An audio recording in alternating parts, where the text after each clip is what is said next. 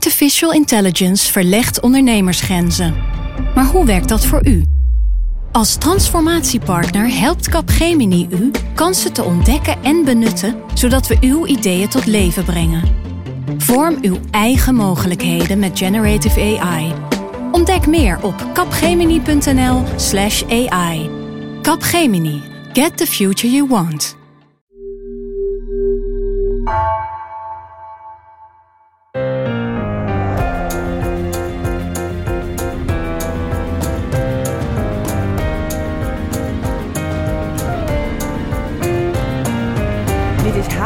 Van NRC. Mijn naam is Lemia Aharwar.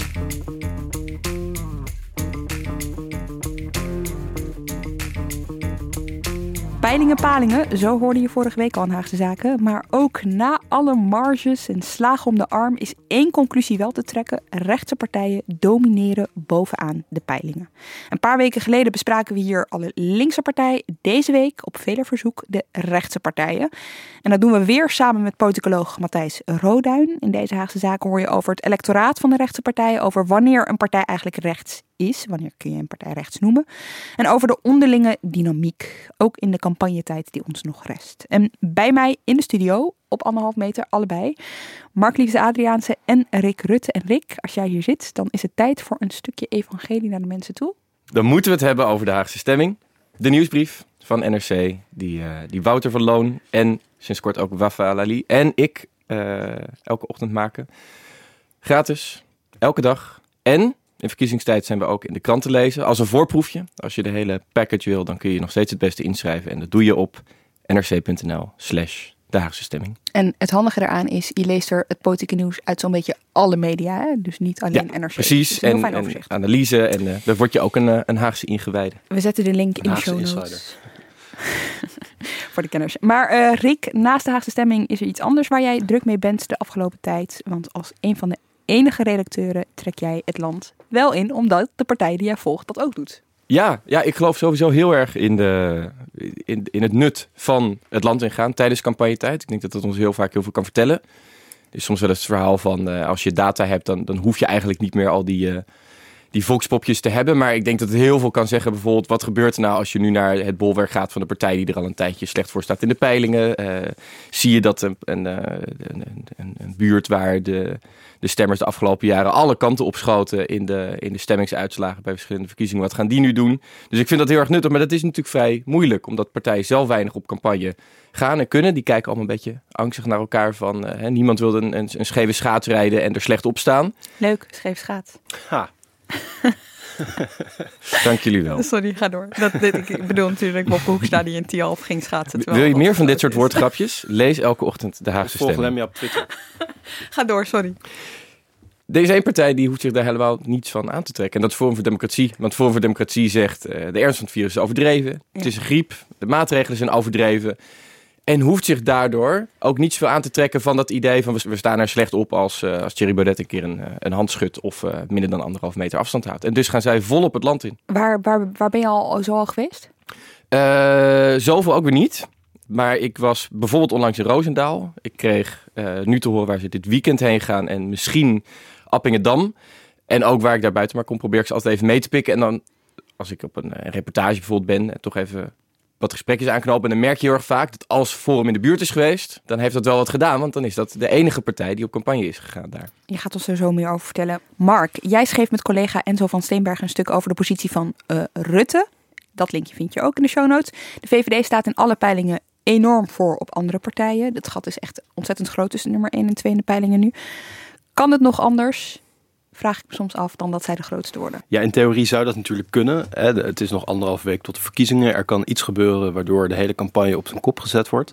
Tegelijkertijd is het gat inderdaad met de nummer 2 uh, of de nummer 3, CDA en de, en de PVV, wat dusdanig groot. Hè. De VVD is in de, in de peilingwijzer het gewogen gemiddelde van drie peilingen. Um, staan ze rond de 40. Um, en dan de andere partij rond de 20 en dan rond de 15. De peilingwijzers dus INO Research, Kantar en Ipsos. Ja, ja dat sinds vorige we, week moeten we dat er toch wel eventjes precies. bij zijn ja. um, nee, dus dat verschil is wel heel groot. Ik denk dat het niet uh, onlogisch is als de VVD de komende anderhalve week nog iets daalt in de peilingen. Um, tegelijkertijd zou, eh, om het echt moeilijk te maken, zou er een partij moeten komen die ineens boven de rest uitspringt. We gaan zo één voor één al die rechtse partijen langs. Maar eerst is het wel even belangrijk om nou te definiëren... wanneer spreken we nou eigenlijk van een rechtse partij? En dat is de eerste vraag die wij aan politicoloog Matthijs Rodijn stelden. Je kunt natuurlijk twisten over wat nu precies rechtse partijen zijn. Uh, je kunt immers recht zijn op allerlei verschillende vlakken. Uh, de belangrijkste zijn uh, in Nederland, denk ik, het sociaal-economische vlak. Dan gaat het over inkomensherverdeling. op sociaal-cultureel terrein, dan gaat het over immigratie, Europese integratie. En op ethisch vlak, dan gaat het om onderwerpen als abortus en euthanasie. Nou, als we ons nu op partijen richten die op dit moment zetels in de Tweede Kamer hebben en op tenminste twee van deze drie terreinen uh, rechts van het midden worden geplaatst door experts, dan houden we vijf partijen over. Dat zijn de VVD, uh, de PVV, CDA, FVD en de SGP. Um, ik zal me in mijn analyses op vier van deze partijen richten. Uh, de SGP uh, valt helaas buiten de boot, omdat er in de dataset die ik gebruik niet genoeg mensen zijn die zeggen op de SGP te stemmen.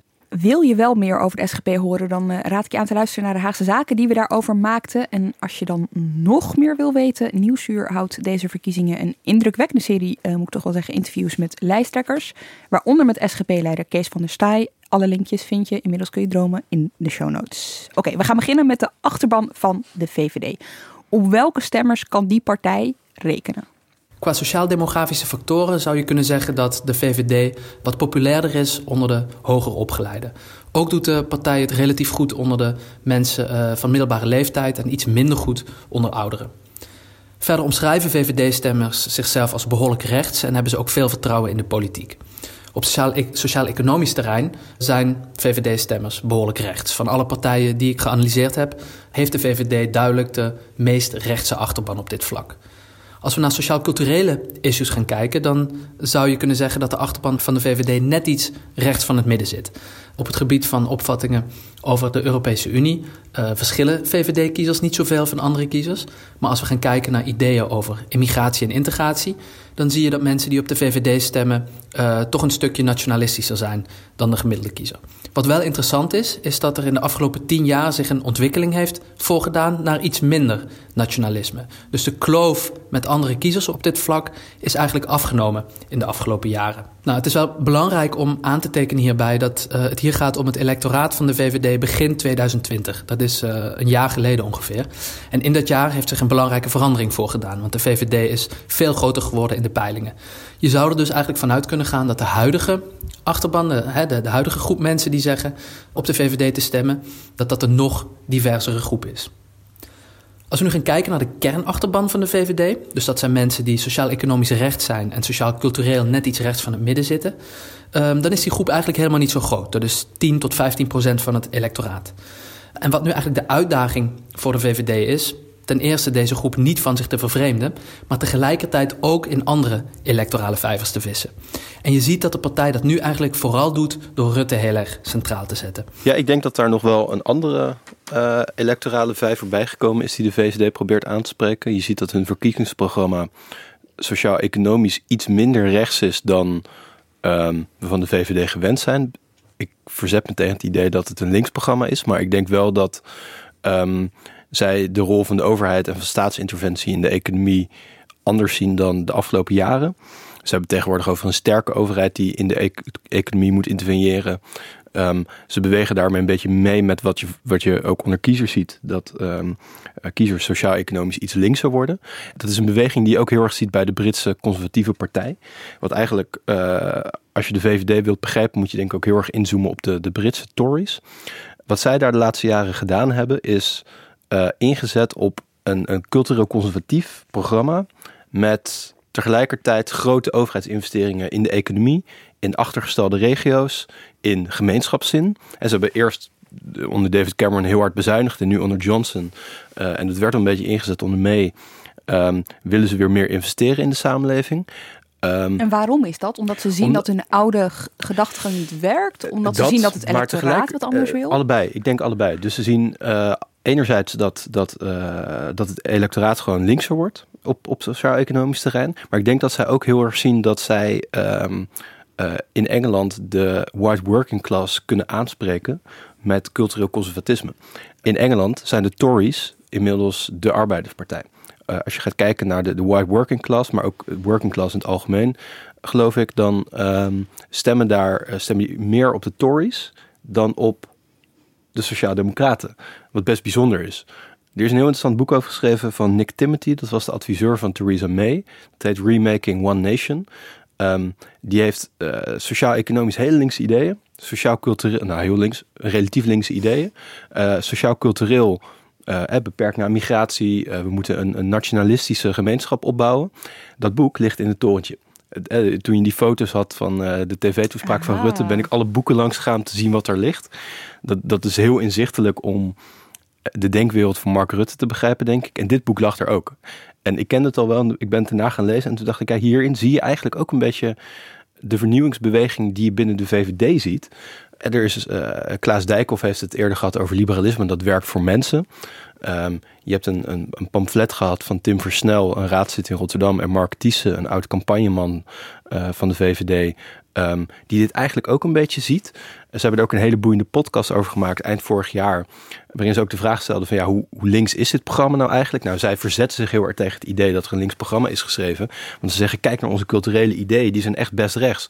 We willen beperkingen aan migratie. We willen uh, eigenlijk dat er uh, gewoon veel minder mensen naar Nederland komen. Ja, dat hebben jij, Marieke um, Stellinga, hier ook wel eens aan tafel Zeker, ja. Hè, van... En dat precies. En dat, dat, je ziet ermee volgens mij een heroriëntatie van de VVD in reactie op waar de kiezers zich naartoe bewegen. En daar het, zou, het zou, bedenk ik me ineens, ook niet de eerste keer zijn dat ze natuurlijk juist naar de Britten kijken. Zoals ze ook tien jaar geleden, absoluut, zoals absoluut. het me volgens mij bijstaat, uh, Rutte en Schippers die eigenlijk gingen zoeken naar een manier om een, een programma op te bouwen. Dat, dat, dat was er niet. Hè? Rutte uh, stond er op dat moment heel slecht voor. Moest nog een soort leiderschap. Nou, 15 vinden. jaar geleden inmiddels. Ja, 15 ja. jaar geleden. Zo snel gaat de tijd.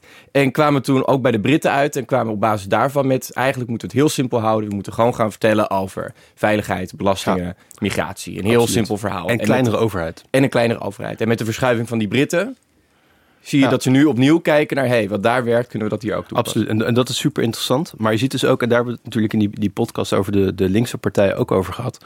dat, dat een, een grote groep kiezers cultureel redelijk rechts is... en sociaal-economisch redelijk links. Ik denk dat de VVD daar nu ook een brug naar probeert te slaan. Maar goed, dat is meer lange termijn, hè? Deze we, verkiezingen. Ja, als we terugbrengen, dit zijn best wel fundamentele ideeën. Absoluut. Dit is een fundamentele ideeënverschuiving, zou je Ja, kunnen zeker. zeggen. Het gaat langzaam als wat denker, maar Mhm. het, het gebe- er gebeurt wel wat. Maar in die campagne. Het gaat alleen maar om Rutte. Ja, Ja. één man. Ja, nou en, en eh, in Rotterdam zie ik ook postjes met Mark Harbers, eh, eh, de, de Rotterdamse kandidaat. Maar inderdaad, op, het gaat alleen maar om Rutte. Ze zetten hun campagne volledig in op het crisisleiderschap van Rutte. Eh, samen sterker verder is de slogan. Wat, eh, ze proberen de, de, de rol van Rutte, die het afgelopen jaar vaak gehad heeft als een soort apolitiek crisispremier, heel erg in te zetten. Boven de partijen, geen strijd. Jongens, laten we gewoon even samen zorgen dat we uit deze Het crisis meest komen. symbolische daarvan vind ik als hij doet regelmatig Q&A's op zijn Instagram-account. Mark op Insta eh, heet dat, weet je wel. Dat is niet het Minpress-account uiteraard. Maar dan zit achter hem wel een soort eh, ja. Ja. beeld van eh, samen sterker verder staat erop. Hè? Of wat is het, samen verder? Samen sterker verder. Ja, precies. In dezelfde letters als wat normaal, waar Ja. hij en Hugo de Jonge die persconferenties hou- hou- houden. En wat je dan achter ze ziet. Hij eh, loopt altijd rond in eh, pak, eh, het liefst ook met das. Je zag het ook, die advertentie, hè, de, de krantenadvertentie van een paar weken geleden, waarmee zij eigenlijk de campagne openden. Dat was een brief aan de kiezers en dat, daarin schreef Rutte, deze verkiezingen gaan erom hoe we Nederland uit de crisis loodsen. Ehm, en dat was een foto van Rutte met een, eh, een ja, hoe noem je dat, een, een map eh, documenten onder zijn arm. In pak, die het ministerie van Algemene Zaken uitliep. Druk, druk, druk. Eh, druk, Ja. druk, druk, land door de crisis loodsen. Daar zet de VVD dus op in. En dat is natuurlijk heel begrijpelijk. Hè? Als je kijkt naar het afgelopen jaar, eh, we we hebben het daar heel vaak over gehad. Je zag gewoon sinds het begin van de coronacrisis dat de VVD enorm steeg in de peilingen. Dat de waardering voor Rutte enorm steeg. Dat het vertrouwen in de overheid steeg. Dat het vertrouwen in het kabinet steeg. Het fascinerende is alleen dat al die vier factoren de afgelopen maanden langzaam zijn gaan dalen. Dus de VVD heeft een campagne gebouwd die, denk ik, heel begrijpelijk is. Vooral in de context van twee maanden geleden omdat je juist, dat, nou Lemia, wij hebben daar eh, deze zaterdag ook een stuk over. Ik heb er met Enzo inderdaad ook over geschreven. Je ziet dat de steun voor het kabinet afneemt. En de VVD zet eigenlijk in op continuïteit op een moment dat steeds meer kiezers verandering willen. Dus het is best risicovol om ehm, de hele campagne te bouwen rondom het crisisleiderschap van Rutte. Ehm, want wat als mensen, en dat zie je nu dus gebeuren, er eigenlijk wel klaar mee zijn. En denken, ja, Rutte heeft het misschien het afgelopen jaar goed gedaan. Ehm, maar het duurt nu wel erg lang. En we staan nu aan de vooravond van een week waarin die hele cyclus van katshuissessie, dat is dan morgen op zondag. Uh, dan komt er maandag deze week al een persconferentie. Woensdag, precies een week voor de verkiezingen, debatteert de Kamer over de coronamaatregelen. Um, normaal gezien zou je dan denken, dit is een, een, een, een moment om wat versoepeling aan te kondigen. Nou, daar ziet het er nu niet naar uit. En als je dat dan hebt een week voor de verkiezingen, dan kan dat dus risicovol uitpakken, zeg jij. Ja, omdat, omdat dat. Um, Enzo en ik hebben daar ook wel Jan Dries over gesproken, een oud uh, strateeg voor Rutte. En die zag wel een soort potentieel uh, giftige cocktail, geloof ik, van, van factoren waardoor de campagne komende week opengebroken zou kunnen worden. Kunnen worden. Het is niet gezegd dat dat gaat gebeuren. Uh, een campagne en schrijf dit maar op een tegeltje, gebeurt terwijl je zit te wachten op gebeurtenissen. Inspirerend. Uh, dank je. Maar dat is komende week denk ik wel een, een ja, dat kan de campagne onder druk gezet, maar vooral dus de strategie van, van de VVD. Maar Mark, oké, jij signaleert dus, weet je, al, alles waar de VVD op heeft ingezet, dat vertrouwen en zo, dat, dat neemt dus allemaal af. Maar het is nog steeds wel heel absoluut. groot. Zeker, ja. Weet je wel, het is niet een soort van naar een bam, nee. naar een dieptepunt gedaan. Nee, precies, maar dat is wat ik net ook zei. De VVD kan een tik hebben. Um, ze staan gewoon zo ver voor in de peilingen dat zij best nog een uh, aantal zetels kunnen verliezen. Dat ze uh, waarschijnlijk best op hun trouwe achterbank kunnen rekenen. En dat de andere partijen ja, gewoon dat er niemand echt bovenuit gaat stijgen. Het zou natuurlijk wel een formatie totaal veranderen. Uh, als de VVD niet met, zeg 40, maar met uh, 30 zetels zo'n formatie ingaat. Dan staat de partij toch er echt ja. heel anders voor. En ik geloof ook dat, al maakt het natuurlijk helemaal niks uit, hè, die, die peilingen nu die maken niks uit voor hoe jij er straks voor staat.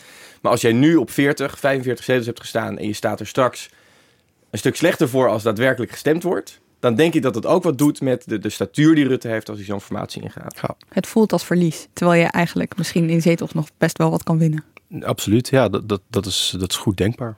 Hey, en um, zijn er, dus dit is waar de VVD voor heeft gekozen. Of het slim is geweest of niet, dat zien we dus pas als, die, als de uitslag er is. Maar hadden ze ook op andere thema's ja. die, die campagne kunnen voeren? Ja, het fascinerende is dat de VVD inhoudelijk heel erg gewaardeerd wordt door kiezers. Dus uh, politicologen noemen dat dan issue ownership. Dat betekent dat kiezers uh, vinden dat een bepaalde partij de beste ideeën heeft over een bepaald onderwerp, dan doen zij het beste op werkgelegenheid, overheidsfinanciën, coronacrisis.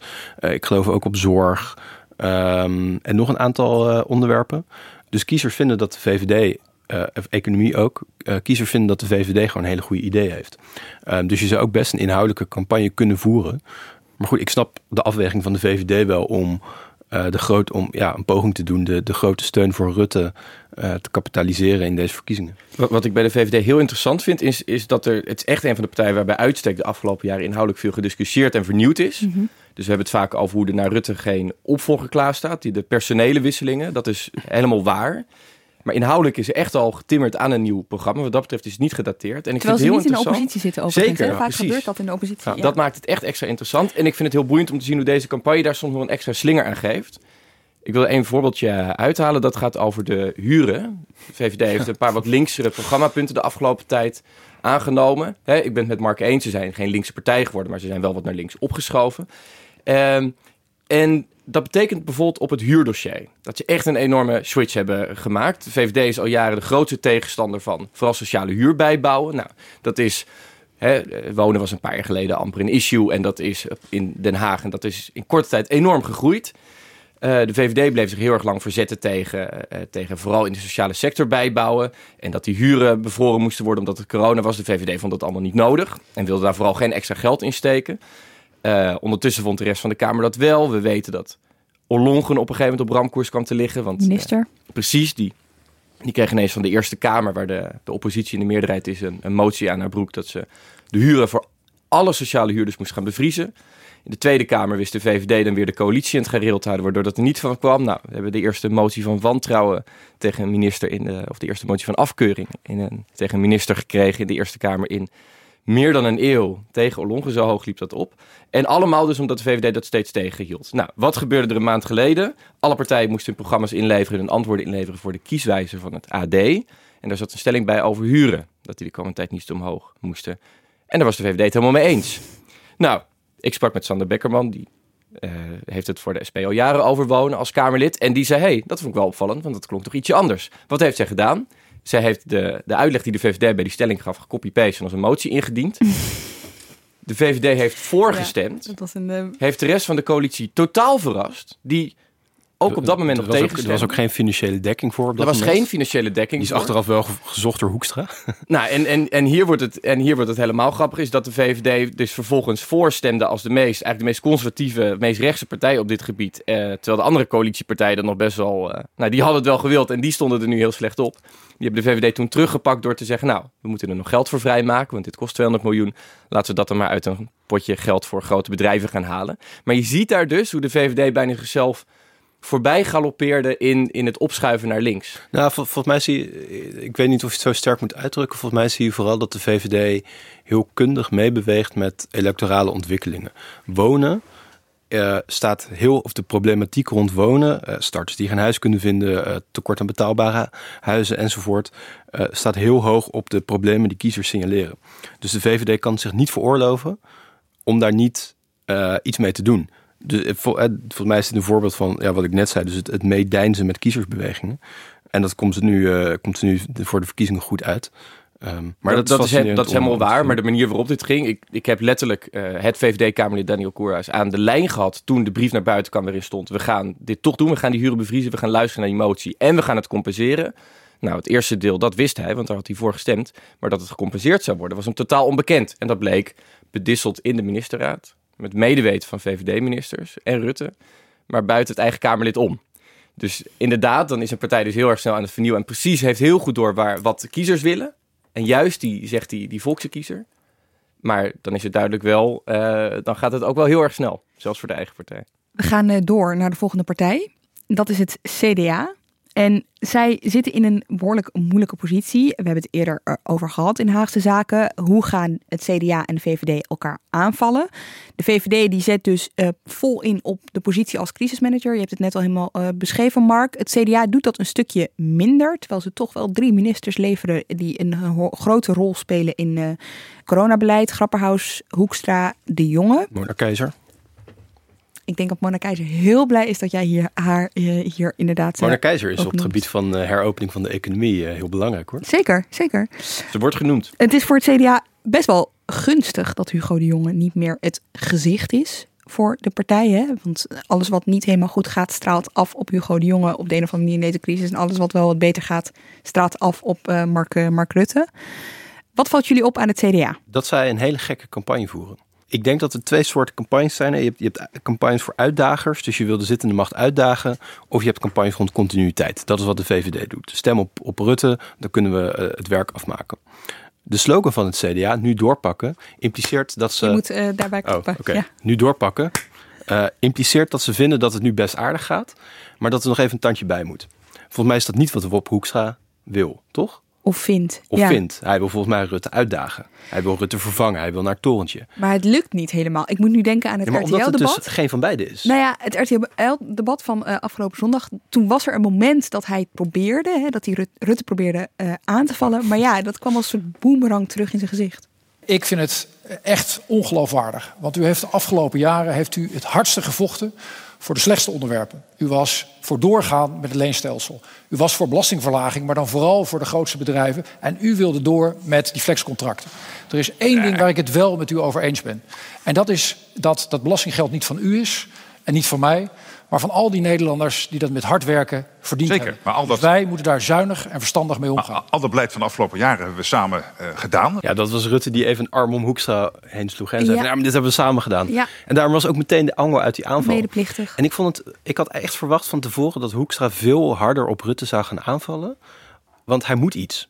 Ja, maar wat, waar, we, waar jullie net omschreven hoe de VVD langzaam naar links aan het bewegen is, is het CDA langzaam naar rechts aan het bewegen. Ik- Ja, wat ook, wat ook, weer, haak, wat ook weer haak staat natuurlijk op Maar- wat we net horen zeggen. Dit, dit, dit fascineert mij ook Ja. al een tijdje. Is dat elke keer dat er eigenlijk een concreet plan nu komt. We hebben jaren gehoord dat het, dat het CDA het weer op begon te nemen voor studenten. Tegen het leenstelsel. Voor huurders. Tegen de verhuurderheffing. En juist deze campagne komt het ene na het andere plan naar buiten. Waaruit je juist... eh, waarin je eigenlijk de, de McKinsey-consultant in Hoekstra kan terugzien. Nou, die niet het minimumloon wil verhogen. Die de WW wil verkorten. Die eh, de B2 op fruit niet wil, eh, niet wil aanpassen. Het is, het is ook daarin een verhaal dat nog wel haakt waarom op is wat we dat hiervoor hebben McKinsey? gezien. Waarom is dat McKinsey? Ik denk dat het veel meer gedacht is vanuit dat wat, eh, wat efficiënt is en wat handig is. Op zo'n manier dan wat electoraal slim is. Nog, lo, hè, nog, Nou, nog los van, ik vraag me dan af of je nadenkt over de kiezers die je zoekt. Dit is het moment om Matthijs Rodijn over het electoraat van het CDA te laten horen. Over wie hebben we het nou eigenlijk? Het eerste dat opvalt als we naar uh, het electoraat van het CDA gaan kijken, is dat de achterban behoorlijk oud is. Uh, 60% van de mensen die uh, op het CDA stemmen is 65 plus.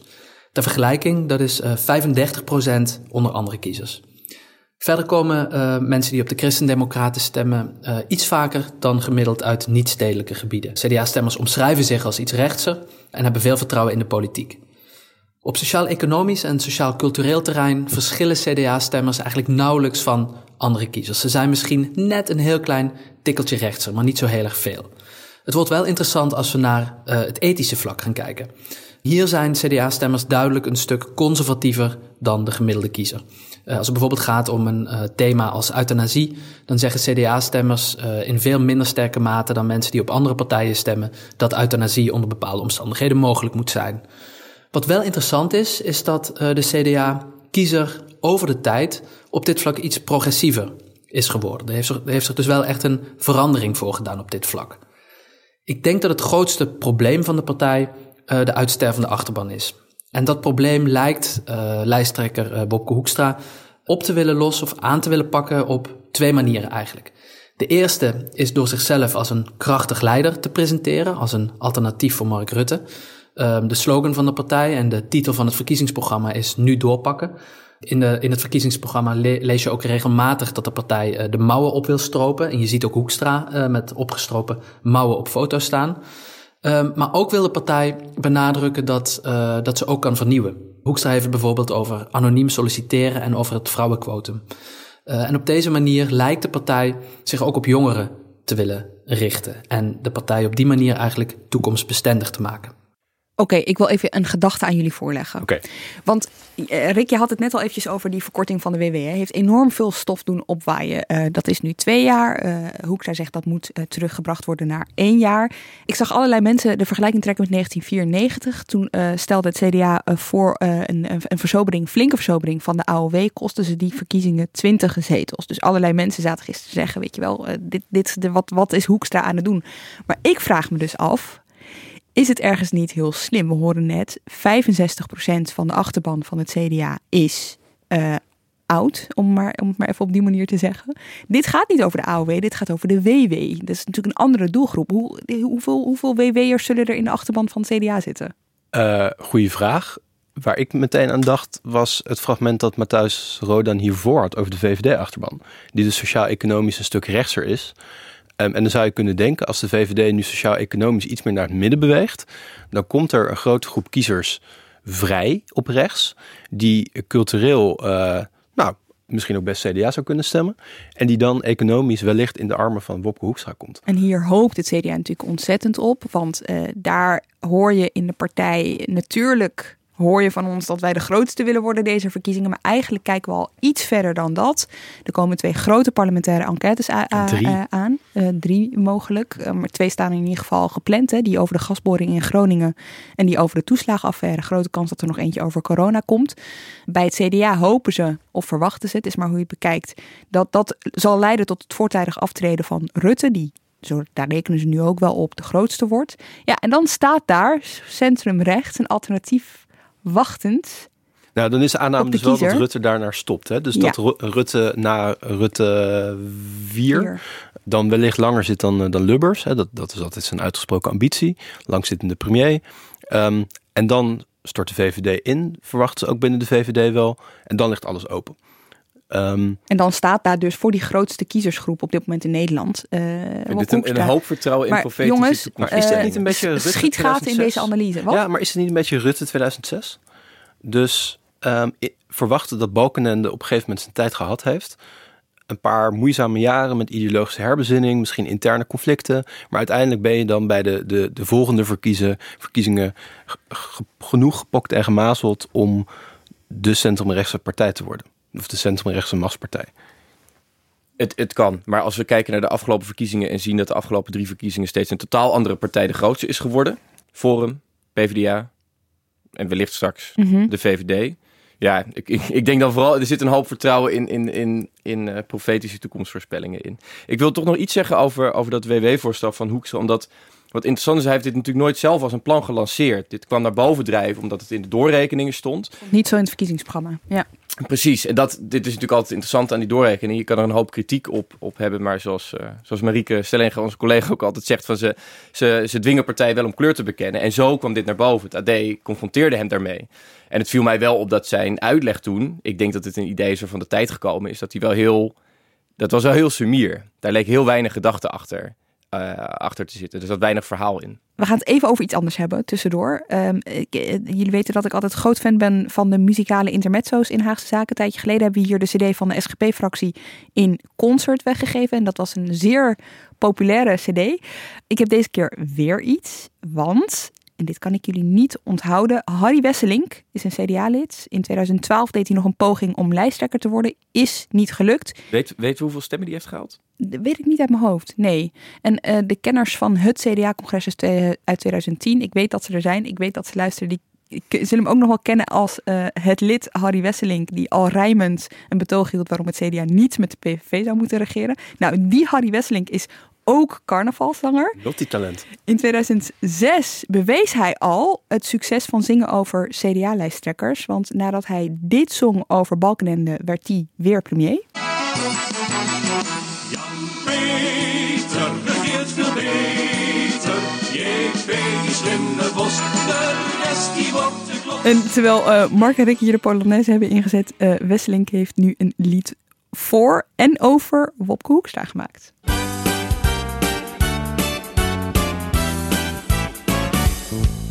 Toen Wopke nog een jochie was, toen wist zijn moeder al. Als zo'n lief later vader is, straalt Wop op Keizersbal. Ja, en dit is onderdeel van een pakket aan verschillende singles. Hij heeft er ook eentje gemaakt over Rutte, waarvan ik nog steeds niet helemaal weet hoe je moet uitspreken, want het is Rutte-exit. Rutte-exit. Het is zeg maar Rutte en exit. Oké, leuk. Je moet woordgrapjes nooit uitleggen, Lemja. We willen uh, deze... Je, je kan ze winnen. Je kan ze winnen. En we hebben het volgende bedacht. Mogen wij ook meedoen eigenlijk? Nee, jullie oh. zijn uh, uitgesloten van deelname. Uh, we hebben het volgende bedacht. Mail een kort gedicht over een partij naar keuze naar Haagse Zaken winnen.nrc.nl. En kort is ook echt kort, max zes regels. Volgende week, als we dagelijks bij je zijn, dan maken we bekend wie heeft gewonnen. Ik voel me echt een radiodisc jockey nu waar je een single kan winnen. Ik zit, het, ik zit te zoeken naar wat er rijmt op schaatsen. Misschien even naar uh, Mix Rijmwoordenboek. Oké, dit is het goede moment om uh, door te gaan. Heel natuurlijk bruggetje naar uh, de twee andere rechtse partijen die we in deze aflevering nog willen bespreken. Voor nu kunnen we concluderen, als je iets anders wil dan de VVD en je bent het niet eens met de coronamaatregelen, dan heeft een overstap naar het CDA geen zin. Want dat zijn dezelfde hè, architecten van het coronabeleid geweest, Rick. En dan kom je al snel terecht bij de partij die jij volgt. Forum. Forum voor Democratie, inderdaad. Jij bent dus uh, meegeweest met die rallies. Ik wil daar eigenlijk wel iets meer over horen. Wat gebeurt er als je daar bent? Ja, die campagnes van Forum die zijn altijd, uh, die hebben een heel eigen sfeer. Dus ook de afgelopen jaren, bijvoorbeeld bij de provinciale statenverkiezingen, trokken die avondjes ontzettend veel mensen. Uh, daarna, als ze gewoon tussen verkiezingen in het land gingen, dan kwam er nog, dan kwam er nog de hele achterban en af waar ze ook kwamen. En nu uh, gebeurt dat ook, alleen het is natuurlijk gek, want uh, er worden nergens evenementen georganiseerd. Andere partijen zijn ook niet op campagne. En Forum vult dan ineens het Marktplein in Roosendaal of uh, een parkeerplaats in Gouda, een weide bij Zaandam. En daar komen allemaal mensen op af. En het gekke is dat vervolgens, waar de minutenlang iedereen staat te vertellen dat ze zich vooral aan de coronaregels moeten houden. Want anders worden ze weggestuurd. Om vervolgens een gigantisch betoog te houden over uh, hoe al die regels onzin zijn en hoe corona overdreven wordt. En hoe zij eigenlijk niets anders zijn uh, dan de grote anti-corona-partij. Daar gaat het over. Welkom bij jezelf. Welkom bij de grootste vrijheidsbeweging van onze generatie. Gebeurt het eigenlijk ook? Worden die, die evenementen wel eens opgebroken door de politie? Ze zijn toevallig een paar dagen terug in Heerlen uh, weggestuurd. Dus toen, sowieso zijn ze heel lang hiermee bezig geweest. Ze hebben in het najaar al een keer het idee gehad om, toen, we, toen, toen er ook allerlei restricties waren, bijvoorbeeld om met allemaal auto's op een parkeerplaats in Den Bosch te gaan staan. En dan zou, zou je door je, door je radio, door je autoradio Baudet kunnen ontvangen, maar dat mocht niet. Uh, wat eigenlijk best gek is, want je mag wel in de file staan, maar dit, dit, was, dit was al te veel een, een evenement. Ze, hebben, ze zijn een keer weggestuurd in Volendam, omdat ze daar eh, op de dijk of ergens anders wilden gaan staan. En er veel te veel Volendammers voor hem wilden gaan zien. En wat ze nu vaak doen, is dan vullen ze zo'n marktplein. En dan hebben ze inderdaad, houden mensen enigszins afstand. Dan is dat altijd natuurlijk een beetje moeilijk. En dan staat er een podium of zo? Ja, en dan staan er agenten omheen. En eh, kijk, daar gebeurt ook weer iets geks. Dus dat, uh, dat, dat, dat Baudet dan eigenlijk zegt... die agenten hier, uh, die gaan jullie wegsturen als jullie niet aan de regels houden. Maar eigenlijk, hè, word niet boos op hen. Hou jullie aan die regels, ook al wil je dat niet. Word niet boos op die agenten. Die stemmen toch eigenlijk op ons, dat hebben ze me net verteld. En, uh, en dat zijn onze grootste vrienden. Waarmee die eigenlijk in één omhaal ook meteen zichzelf weer presenteert als een soort uh, ja, uh, ridder op een kruistocht tegen, de, tegen de, de grote boze staat. En zelfs die agenten, zegt hij dan, die zijn eigenlijk aan, aan zijn kant. Nou, ik heb er natuurlijk meteen even nagevraagd en die agenten zeiden, daar is helemaal niets van waar. Het deed mij denken aan wat, wat je wel eens bij Trump-rallies ziet, waar ook agenten of politiechefs op het podium staan. Ik ben wel eens in Italië bij, een, bij zo'n avondje van Matteo Salvini geweest. Die deed precies hetzelfde. De eerste die je de hand schudt, dat zijn de carabinieri. En laten zien dat jij wel degelijk iets hebt met gezag. Maar die grote boze overheid, daar ben je tegen, die de regels opstelt. En die mensen die daar staan, hè, uh, wie zijn dat? Allemaal mensen. Dus als zij de vraag stellen van wie zijn er al lid? Nou, dan gaan er een hoop handen omhoog natuurlijk. Maar uh, meer mensen. Uh, die helemaal nooit op Forum hebben gestemd. En het meest veelzeggende gesprek dat ik had in, in, in Roosendaal, om daar even te blijven, was... Ik, ik sprak op een gegeven moment een groepje mensen aan. Dat waren vijf mensen, die bleken elkaar niet te kennen. Die hadden elkaar daar net ontmoet. Ik vroeg wat ze de vorige verkiezingen hadden gestemd. Eén FVD, één PVV, één SP en twee VVD. Zo gevarieerd was dat gezelschap. En wat ze dan bindt, is gewoon die, tussen aanhalingstekens, vrijheidsagenda van ja, en dan, komen, en dan komen twee verhalen vooral naar boven. Dus het gaat allemaal om de lockdown, het gaat allemaal om de coronacrisis. Twee verhalen hoorde ik vooral. Het zijn mensen die ofwel zeggen, ik ben een ondernemer of ik kom uit een familie van ondernemers. Ik ken veel ondernemers en ik zie hoe moeilijk die mensen het hebben. Hoe zij zuchten onder de lockdown, de economische kosten daarvan. Ze kunnen... Uh, ze zien hun spaargeld verdampen of ze, uh, ze moeten hun tent sluiten of ze gaan er gewoon psychologisch dan onderdoor. En een andere groep die zegt, ik vind het uh, zo moeilijk om te zien wat dit, hoe dit mij en mijn vrijheid beperkt. En ook dan lees ik verhalen in de kranten over kinderen die thuis zitten, die van de radar verdwijnen. Die misschien wel achter de voordeur belanden en vaker mishandeld worden of moeilijker kunnen opgroeien. En dat, dat meer sociale, invoelende argument hoor je ook langskomen. Waardoor ze ook dus verschillende groepen aantrekken. Ja, want ik leidde de VVD net in van als je zoekt naar een alternatief op uh, VVD of CDA, dan kom je uit bij FVD. Maar eigenlijk, het is, het is eigenlijk niet eens een alternatief. Het is gewoon een, op een heel andere manier kijken naar corona. Zeker, en daar spelen ze dus ook op in. Dus het hele verhaal draait om corona. Uh, het is ook echt een, een, een show waarbij. Het, het, is echt een show. En het is, want ze staan, wat ze doen is dat ze rijden rond met een grote truck. Een transformer truck noemen ze die zelf. Die om te toveren is tot een groot podium met een enorm scherm waarop ze filmpjes kunnen laten zien. En waarop dan weer Baudet en Van Haga, Wiebe van Haga, de nummer twee en de, de, de andere grote anti-coronastrijder. Daarop staan zij dan te speechen. Ja, precies. Uit VVD geknikkerd. En als zetelrover toch bij Forum welkom. En die twee, ze, ze hebben eigenlijk bijna een aardig evenwicht. Het is ook Van Hagen die verhalen vertelt over hoe hij spreekt met ondernemers. En we hebben vorige zomer al een keer opgemerkt dat Wiebe van Hagen elke week wel weer met een ander groepje ondernemers uh, op aan het trekken was. Het waren dan weer waren het, uh, de, de, de paardenmenners en dan weer waren het de kermisexploitanten, de ballonvaarders. Uh, inmiddels heeft hij zo'n repertoire opgebouwd dat hij bijna elke beroepsgroep in die ondernemerssector aan zich gebonden heeft. interessant aan vind is, Baudet zat dus vorige week bij Nieuwsuur en toen vertelde hij, ik heb al mijn standpunten eigenlijk losgelaten. Hè, wat ik vind over immigratie, wat ik vind over Europa, daar zul je me nie, nu niet meer over horen. Ik heb nog maar één focus en dat is die vrijheidsagenda, hoe hij dat dan noemt. En daarmee wil hij dus een bredere groep mensen aanspreken. Het is een one-issue partij geworden. Ja, al denk ik dat, uh, uh, dat dit eigenlijk heel erg past bij Forum. Dat zij altijd heel erg projectmatig hebben geopereerd. Dus veel minder dan een, een heel rijtje standpunten of, of één getuigenispartij te zijn die over één onderwerp steeds is gegaan, dat ze heel erg van onderwerp naar onderwerp zijn gegaan. Ja, ze zijn een partij die, die anti-immigratie is, maar zij zijn vooral groot geworden toen het Marrakesh-pact eind 2018 in de aanloop naar de provinciale statenverkiezingen een thema werd. En niet de PVV, maar Forum dat naar zich toe trok. Kort daarna de klimaatcrisis was opnieuw een onderwerp dat Baudet heel erg, zeker rond het klimaatakkoord en de klimaatwet en de crisis die daar rond ontstond in de coalitie en in de politiek, naar zich toe wist te trekken. En al voordat corona begonnen was, heb ik wel eens van mensen gehoord dat zij zeiden, ja, eigenlijk als je Baudet vraagt naar dat klimaatonderwerp, zegt hij, daar ben ik al over uitgepraat. ik heb gelijk, de rest ontdekt het wel een keer. Ik hoef het daar niet meer per se over te hebben. Dus in die zin past het heel erg bij de partij, en vooral bij Baudet, dat hij nu weer een nieuw onderwerp heeft waar hij totaal in kan duiken. Ja, hij wil dus ook daarmee een bredere doelgroep aanspreken, een breder electoraat. We hebben Matthijs natuurlijk ook gevraagd uit wie bestaat het huidige electoraat van FVD? Uitspraken doen over het electoraat van Forum voor Democratie is iets lastiger. De analyses die ik heb gedaan gaan over het Forum van een jaar geleden. En dat Forum was echt een andere partij dan de partij nu is. Dat was van voor de implosie. Dat was uh, voordat de partij uiteenviel. Voordat de partij meer dan tien zetels in de peilingen kwijtraakte.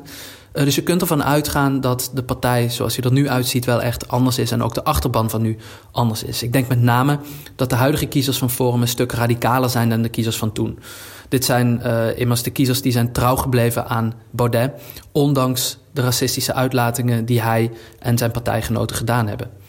Maar als we gaan kijken naar die Forum voor Democratie stemmen van ongeveer een jaar geleden, dan zijn dat uh, wat jongere, uh, middelbaar opgeleide mannen die zichzelf als heel rechts omschrijven en heel weinig vertrouwen in de politiek hebben. Uh, ze zijn veel rechtser op cultureel terrein dan andere kiezers heel negatief over immigratie, heel sceptisch over Europese eenwording. Um, en ze zijn iets rechtser op sociaal-economisch vlak. Wat wel interessant is, is dat de kiezers van Forum economisch gezien iets minder rechts lijken te zijn dan de partij zelf eigenlijk is. Ik heb de indruk dat uh, Baudet zich ook enigszins bevrijd lijkt te voelen na de implosie van de partij. Hij is in ieder geval naar buiten toe, nu radicaler dan hij hiervoor was. En dat sluit eigenlijk, uh, denk ik, goed aan bij zijn huidige achterban, die ook behoorlijk radicaal is. Met name ook op het gebied van corona. Hij lijkt ook schaamteloos de, de strategieën, de, de, de strategie van Donald Trump uit de VS te kopiëren. Ik verwacht dus dat hij wel een aantal zetels gaat krijgen. Maar uh, ik verwacht niet dat hij ooit nog zo groot gaat worden als hij ooit in de peilingen was. Uh, of tijdens uh, de, de verkiezingen voor de provinciale staten was. Hij heeft toch echt te kampen met een flink gedeukt imago. en ook nog eens met flink wat concurrentie op rechts. Ja, volgens mij zag je bij de, de, de statenverkiezingen van 2019 een, grote bereidheid inderdaad bij heel veel verschillende kiezersgroepen om Forum te omarmen als zeg maar, het redelijke alternatief op de PVV. Dus de redelijke middelvinger zou je kunnen zeggen. Um, die groep is inderdaad na hè, de, de, de affaires, de kwesties rond racistische apps, antisemitisme enzovoorts, het afgelopen jaar denk ik afgehaakt.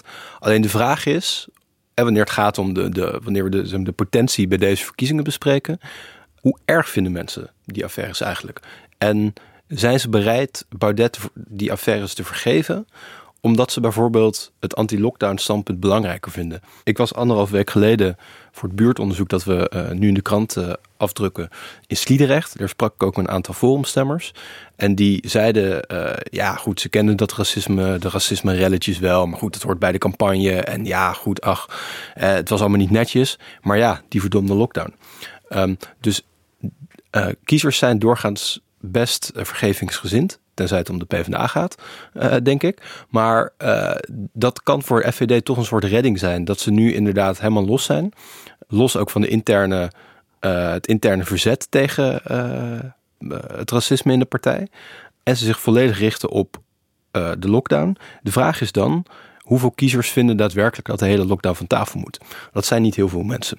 Toch ongeveer 10 procent. Nou, dan zou je kunnen zeggen ongeveer 15 zetels, max ik denk inderdaad ook wel dat dat Forum de komende weken nog kan gaan stijgen in de peilingen. Dat ze misschien kunnen verrassen ten opzichte van wat mensen een aantal maanden geleden dachten van het is over met die partij. Uh, Baudet was even een paar dagen weg bij de, bij de partij. Uh, uh, Forum gaat straks uit de Kamer. Ik denk dat ze daarin kunnen verrassen.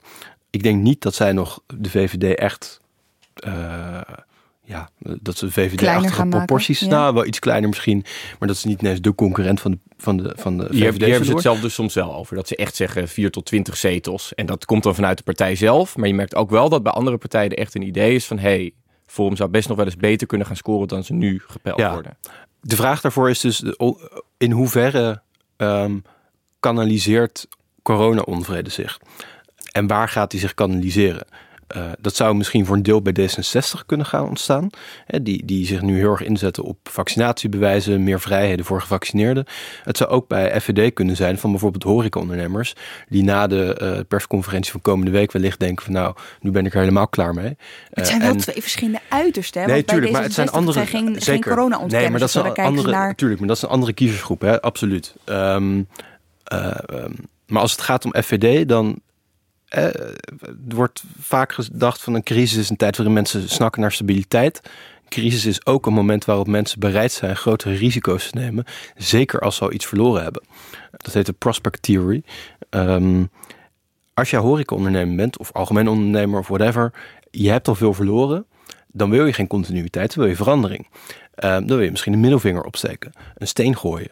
Die steen zit eerder bij FVD nu dan bij de VVD um, en ook dan de PVV. Ik denk dat we hier ook nog bij een heel belangrijk element komen dat hierbij altijd een enorme rol speelt. En dat is, wat willen mensen van de politiek gezien worden? Als essentiële levensbehoeften. En dat raakt aan de, hè, hoe, hoezeer je in het nauw zit, hoe moeilijk je het hebt. Uh, wat voor situatie je op dat moment zit. En wat, wat biedt Forum nu voor veel mensen als geen ander? Precies dat. Je bent bij zo'n evenement en je merkt wanneer komt die, dat plein echt tot leven is. Er is een vrouw, die is kapster, die vertelt als Baudet de microfoon gaat, uh, laat rondgaan dat ze, dat ze bijna failliet is. Dat ze haar huis denkt te moeten verkopen. En die wil toch de laatste beetje geld aan, aan Baudet geven. En Baudet zegt nee, daar komen we wel uit. Ik hoef uw geld niet. U heeft het zelf veel harder nodig. Maar ik wil wel dat we even allemaal applaudisseren. Voor deze mevrouw. En de, de vibe die je daarvan krijgt, het gevoel, het deed mij denken aan, uh, aan goeroes. Ja. Uh, hè? Of uh, die, die goeroe die dan een keer naar de expo-hal in Houten komt. En dat er honderden, duizend mensen daarop afkomen. Handopleggingen, de motivational speakers, dat, dat circuit. Dat, dat is iets dat deze evenementen echt bieden. En dat juist in deze tijd nog eens extra aanslaat.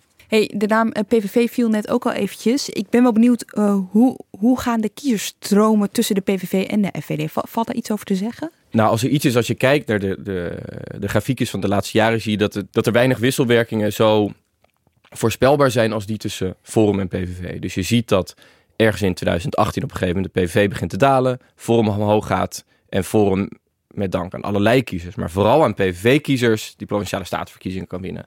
Dan gaat Forum weer naar beneden, komt de PVV weer even terug. En zo zie je dat eigenlijk die lijntjes, als de ene omhoog gaat, gaat de ander omlaag. Daar is sinds de coronacrisis een nieuw element bijgekomen. En dat is dat je ziet dat kiezers op een gegeven moment zijn gaan weglopen in de eerste maanden van de, van corona van beide partijen naar meer gevestigde partijen. Dit zijn dezelfde maanden waarin we zien dat het vertrouwen van kiezers in de politiek toenam. En de reden dat het vertrouwen toenam was niet omdat CDA's en VVD'ers nou zeiden wij vertrouwen nu de politiek. Die deden dat vaak al. Maar juist omdat deze kiezers op de flanken gingen zeggen wij zoeken eigenlijk ook naar een soort stabiliteit, meer gevestigde orde. En die trokken dus weg van Forum en PVV tegelijk. Dat is nu de afgelopen maanden weer wat teruggelopen. En wie heeft daar de meeste vruchten van geplukt? Dat is de PVV. En dat is niet Forum. Tenzij, en hier wordt het dus heel erg spannend, er zit hier een dynamiek waarbij we zien dat er nu ook een groep is die veel radicaler afrekent met het beleid uh, dan andere kiezers. Die misschien niet eens eerder Forum heeft gestemd, of dat wel eerder heeft overwogen, of PVV heeft gestemd, maar die daar nu uit kan komen. En we hebben daar vrij slecht zicht op. Ja, en die ook, niet, die, die ook niet op natuurlijke wijze bij de PVV zou uitkomen, denk ik. Omdat de PVV, en dat zie je ook wel in kiezersonderzoeken, PVV-stemmers steunen zware maatregelen. De PVV is, is geen partij voor corona-ontkenners. Geert Wilders um, zoekt in zijn bijdrage in de, de coronadebatten altijd een balans tussen uh, een deel van zijn achterban dat uh, misschien wel sceptisch is, maar ook het overgrote deel dat juist stabiliteit wil, dat orde wil, dat zekerheid wil, dat corona ook eng vindt.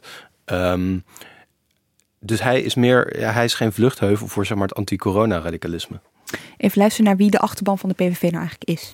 In tegenstelling tot wat veel mensen denken, is de PVV-stemmer niet een van het platteland afkomstige oude man. Eigenlijk het enige sociaal-demografische kenmerk waarop de PVV-achterban zich duidelijk onderscheidt, is opleidingsniveau. Mensen die op de partij van Geert Wilders stemmen zijn minder hoog opgeleid dan mensen die op andere partijen stemmen. Uh, daarnaast is de PVV-kiezer duidelijk ontevreden met de politiek uh, en heel erg nationalistisch als het gaat om thema's als Europese integratie en vooral ook immigratie. Het meest opvallende in mijn analyse van de PVV uh, was eigenlijk dat zich een ontwikkeling heeft voorgedaan op sociaal-economisch vlak. Als we gaan kijken naar de vraag in hoeverre mensen vinden dat inkomens herverdeeld moeten worden, uh, dan zien we dat mensen die op de PVV stemmen in de afgelopen tien jaar een stuk linkser zijn geworden. Um, waar dat precies door komt, weet ik niet. Het kan zijn dat uh, kiezers van opvatting zijn veranderd. Het kan ook zijn dat de wat rechtsere PVV-stemmers de partij hebben verlaten en bijvoorbeeld naar uh, Forum of uh, de VVD zijn overgestapt. Het is ook mogelijk dat de wat linksere uh, stemmers zich juist hebben aangesloten bij de PVV. maar hoe dan ook, wat heel interessant is, volgens mij is dat als je nu gaat kijken naar de opvattingen van PVV-kiezers op dit vlak, over inkomensherverdeling, dan verschillen die kiezers eigenlijk niet significant van mensen die op de SP, GroenLinks of de PvdA stemmen.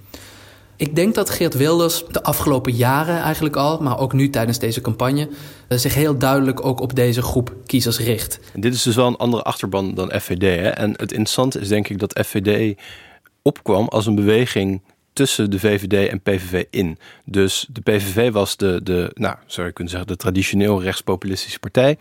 De VVD de traditioneel centrumrechtse partij. En de VVD kwam daar een beetje tussenin voor mensen die de PVV uh, misschien sociaal-economisch links vonden. Maar de VVD cultureel niet rechts genoeg. Je bedoelt FVD kwam daarin? Uh, FVD en, kwam ja. ertussen. Ja. En in 2019 lukte dat ook. Als je kijkt naar het bereik van kiezers dan, dan moet je zeggen dat ze gewoon eigenlijk in feite een nieuwe volkspartij waren. Voor mij het meest fascinerende cijfer daarin is dat in 2017, de eerste keer dat ze meededen aan de Tweede Kamerverkiezingen, dat ze toen nergens hoger scoorden dan een procent of zes in Edam-Volendam. Dat ze in 2019 nergens lager scoorden dan diezelfde 6 procent. En dat is iets dat bijna geen andere partij kun, kan nadoen. Dat je in Urk, maar ook in Wageningen. Ja, dat je in Amsterdam, maar ook in Delfzijl het zo goed doet. Wat in 2017 mij het meest fascineerde was dat de FVD bijna overal in elke gemeente op inderdaad een paar uitschieters na Edam, Volendam um, hetzelfde scoorde, namelijk rond de anderhalf procent. Dus als je in Wassenaar anderhalf procent kunt scoren, maar ook in een uh, armere gemeente, ik bedoel, dat, dat, dat doet bijna geen enkele partij na. Dat je, dat je in zulke verschillende gemeenten zo'n gelijke score hm. kunt halen. Uh, de dingen die ik interessant vind, is dat je dus ziet dat en Forum nu het best goed lijkt te doen, maar dat de PVV ook echt een enorme comeback maakt. Bedenk hierbij dat de PVV twee jaar geleden nog er zo slecht voor stond dat de partij onder de tien zetels speelde. Het heel slecht deed bij de provinciale staatsverkiezingen, zeker met de komst van FVD.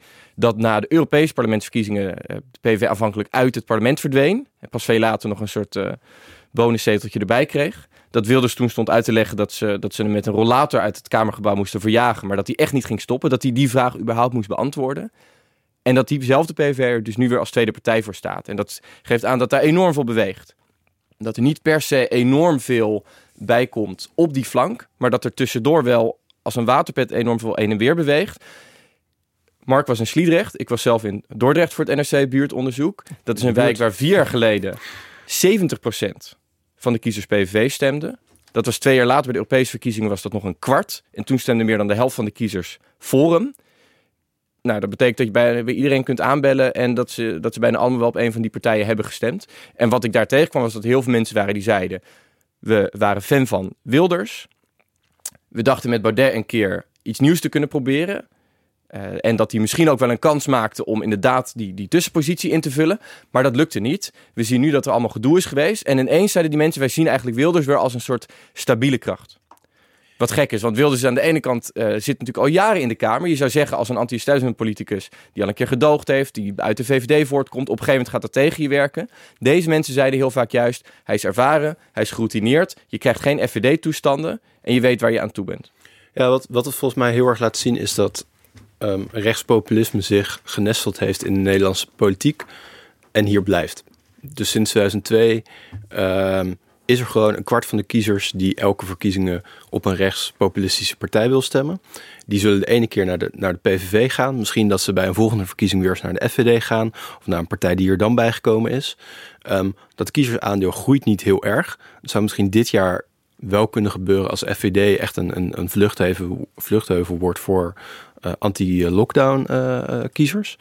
Maar de, deze partijen blijven hier, of deze politieke stroming blijft hier. En dat maakt ook een beetje gek dat, dat de verkiezingen van 2017 moest dan een finale afstraffing worden voor de populisten. Ja, de populisten blijven in alle Europese landen. Dat is ook allemaal niet per se heel erg of zo. Um, maar het is geen tijdelijke eh, politieke stroming. Zoals de, de eeuwige terugkeer van de PVV be- bewijst. Ja, en wat daar natuurlijk nog bij komt, is wat is nou de grote uitdaging voor dit soort partijen, is om eigenlijk ook kiezers aan te spreken die misschien net buiten hun gebruikelijke straatje vallen. En die potentie is er natuurlijk wel. Want er zijn mensen die op de PVV stemmen, ook al vinden ze dat niet alle Is moslims en migranten het land uit moeten. Is FVD Voor Forum niet? geldt dat inderdaad nog meer. En dat zie je dus ook bij die lockdown-strijd nu. Er zijn ook een hoop mensen die op dat plein zijn in Roosendaal, die denken misschien niet eens zo radicaal over corona als Van Hagen en Baudet. Maar die willen dat het meer die kant op beweegt. En hier komen we uit bij de manier waarop politiek in Nederland werkt. Juist in een land van compromissen, van coalities, kun jij heel radicaal stemmen zonder dat het heel radicaal die kant op gaat. Hè, wat je stemt is niet wat je krijgt. Maar je hoopt dan hoe radicaler je stemt, hoe meer het in de buurt komt, is de gedachte van wat je Precies. wil. Kijk, als jij, als jij op Trump stemt in de VS, krijg je Trump. Maar als jij Baudet stemt, dan zul je uiteindelijk altijd een coalitie krijgen waarin Forum een rol speelt. En dan hoop je natuurlijk dat het veel mogelijk die kant op gaat. En er zijn ook een hoop mensen tussen die hopen dat het volledig Forum wordt, dat de klok slaat. Maar het maakt het veel makkelijker, voor bijvoorbeeld voor een VVD om een keer die overstap te maken. En hier komen we uit bij een effect dat ook voor de PV een rol zou kunnen gaan spelen. Dat wordt wel eens geopperd, is dat je door de komst van een nieuwe partij wel eens een losweek-effect kunt zien. Waarbij mensen die niet van de VVD naar de PVV wilden overstappen, wel naar Forum zijn overgestapt. Die mensen zijn nu misschien afgehaakt bij Forum. Maar het is daarmee niet automatisch gegarandeerd dat ze terugkeren bij, naar de VVD. Dus het kan dat zij of alsnog de stap naar de PVV maken, of dat ze kijken naar een nieuwkomer. Ja, eventjes over hoe die kiezers zich tussen eh, verschillende partijen eh, bewegen. Daar hebben we Matthijs Rodan ook naar gevraagd. Wat zijn nu de kiezersstromen als we gaan kijken naar de rechtse partijen? Tussen welke partijen switchen eh, de rechtse kiezers? Nou, op het uiterst rechtse vlak hebben we de PVV en Forum voor Democratie. En hier is behoorlijk wat onderling verkeer. Dat zag je eh, toen Forum langzaam populairder werd en de PVV iets minder populair werd. Toen zag je dat kiezers van de PVV overliepen naar Forum. Eh, en je zag het ook na het imploderen van de partij. Dat eh, kiezers van Forum juist weer overliepen naar de PVV. Als we nu verder gaan naar het midden, maar nog steeds op rechts blijven, dan hebben we de VVD.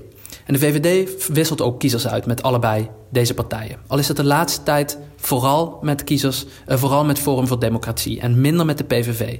Ik vermoed dat dat te maken heeft uh, met het feit dat Forum sociaal-economisch gezien iets dichter bij de VVD staat dan de PVV. Als we weer wat verder naar het midden gaan, dan krijgen we het CDA. Uh, en interessant is dat CDA eigenlijk nauwelijks kiezers uitwisselt met Forum of met de PVV. Wel heel duidelijk met de VVD. Het CDA aan de andere kant wisselt ook weer kiezers uit met de ChristenUnie. He, dat is de confessionele kant, de, de, de christendemocratie die, ze met elkaar gemeenschappelijk hebben. Maar ook met D66. Uh, op sociaal-economisch vlak staan het CDA en D66 weer behoorlijk dicht bij elkaar. Nou, als je dus de, de vier rechtse partijen neemt, dan zou je ze eigenlijk van links naar rechts kunnen plaatsen.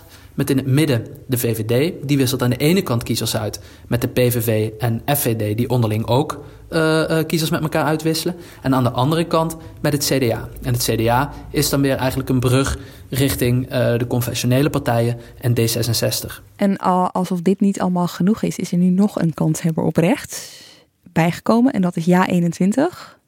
Ja, de opvolger eigenlijk van Forum, of dat had het moeten Afsplitsing zijn. Van Afsplitsing Forum. van Forum. Maar in de ogen van de oprichters ook wel degelijk een opvolger. Eigenlijk is Ja21 echt ingericht, merk je en alles, als een partij die Forum nog eens opnieuw zou proberen, maar dan zonder Baudet. Dus bijna alle standpunten zijn overgenomen. Zo zeggen ze het zelf ook, maar dan zonder uh, het coronastandpunt en zonder Baudet aan het roer. Maar het is eigenlijk cultureel conservatief en economisch conservatief. Zeker, precies. En daarmee zie je ook meteen de uitdaging. Deze hele partij is gebouwd op het idee dat Baudet totaal niet meer salonveeg zou zijn. Dat iedereen Baudet willen afdanken, maar de ideeën nog goed vond. Wat zien we nu? Twee maanden verder blijkt een nieuw cyclus compleet vergeten voor een deel van de kiezers. En zie je dat ze worstelen om ertussen te komen. En hebben ze het heel erg moeilijk om een eigen verhaal te vertellen. Weet je wat ik echt redelijk krankzinnig vind? Dus de PVV, in heel korte tijd is dit gebeurd. In relatief korte tijd. De PVV was een alternatief voor de VVD. Toen kwam de FVD, dat was dan weer een alternatief op de PVV. En nu is er Ja 21 en dat is dan weer een alternatief voor FVD. Ja, je hebt zo'n gifje van, uh, hoe heet die acteur, Zack uh, Hupplepup? Ja, achter... ja, die. Dat hij voor een ruit staat met allerlei cijfers en, uh, en lijntjes. En een beetje voor zich staat te kijken waar we kijken in godsnaam naar. Volgens mij kijken we daar nu ook naar. Ik, ik denk, de, ja, ik, de conclusie die ik hieruit trek is dat Joost Eertmans eigenlijk de persoon is in wie de hele Nederlandse politieke geschiedenis van de laatste 20 jaar samen. Wat er ook gebeurt tijdens verkiezingen, wat mij betreft, is Joost Eertmans de morele winnaar. Oké, dank jullie wel. Rick Rutte en Mark Lievese Adriaanse. Dank ook aan Matthijs Roduin weer uh, voor zijn, uh, voor zijn uh, plaatjes bij de electoraatjes. En dank aan jou voor het luisteren. Wil je dus die fantastische cd's met de liedjes over Wopke Hoekstra en Mark Rutte winnen? Mail dan naar haagsezakenwinnen.nrc.nl. Schrijf een gedichtje, max zes regels, politieke partij naar keuze. Hoeft dus geen rechtse partij te zijn. Vanaf aankomende maandag, jazeker, zijn wij elke werkdag bij je voor een dagelijks verkiezingsupdate van Haagse Zaken. Verwacht zo uh, tegen de avond uh, een nieuwe aflevering elke dag in je podcastfeed. En daar zullen we dan ook de winnaar van de CD bekendmaken. Aankomende dinsdag hoor je in de podcast onder de streep over de doorrekeningen van het CPB van onder andere Marieke Stellinga. Download de NRC Audio app en daar vind je dan die aflevering. Redactie en productie van deze aflevering waren in handen van Iris Vulsdonk. Dus uh, voor nu mag het eindelijk een keer zeggen, niet tot volgende week, maar tot maandag. Zin in.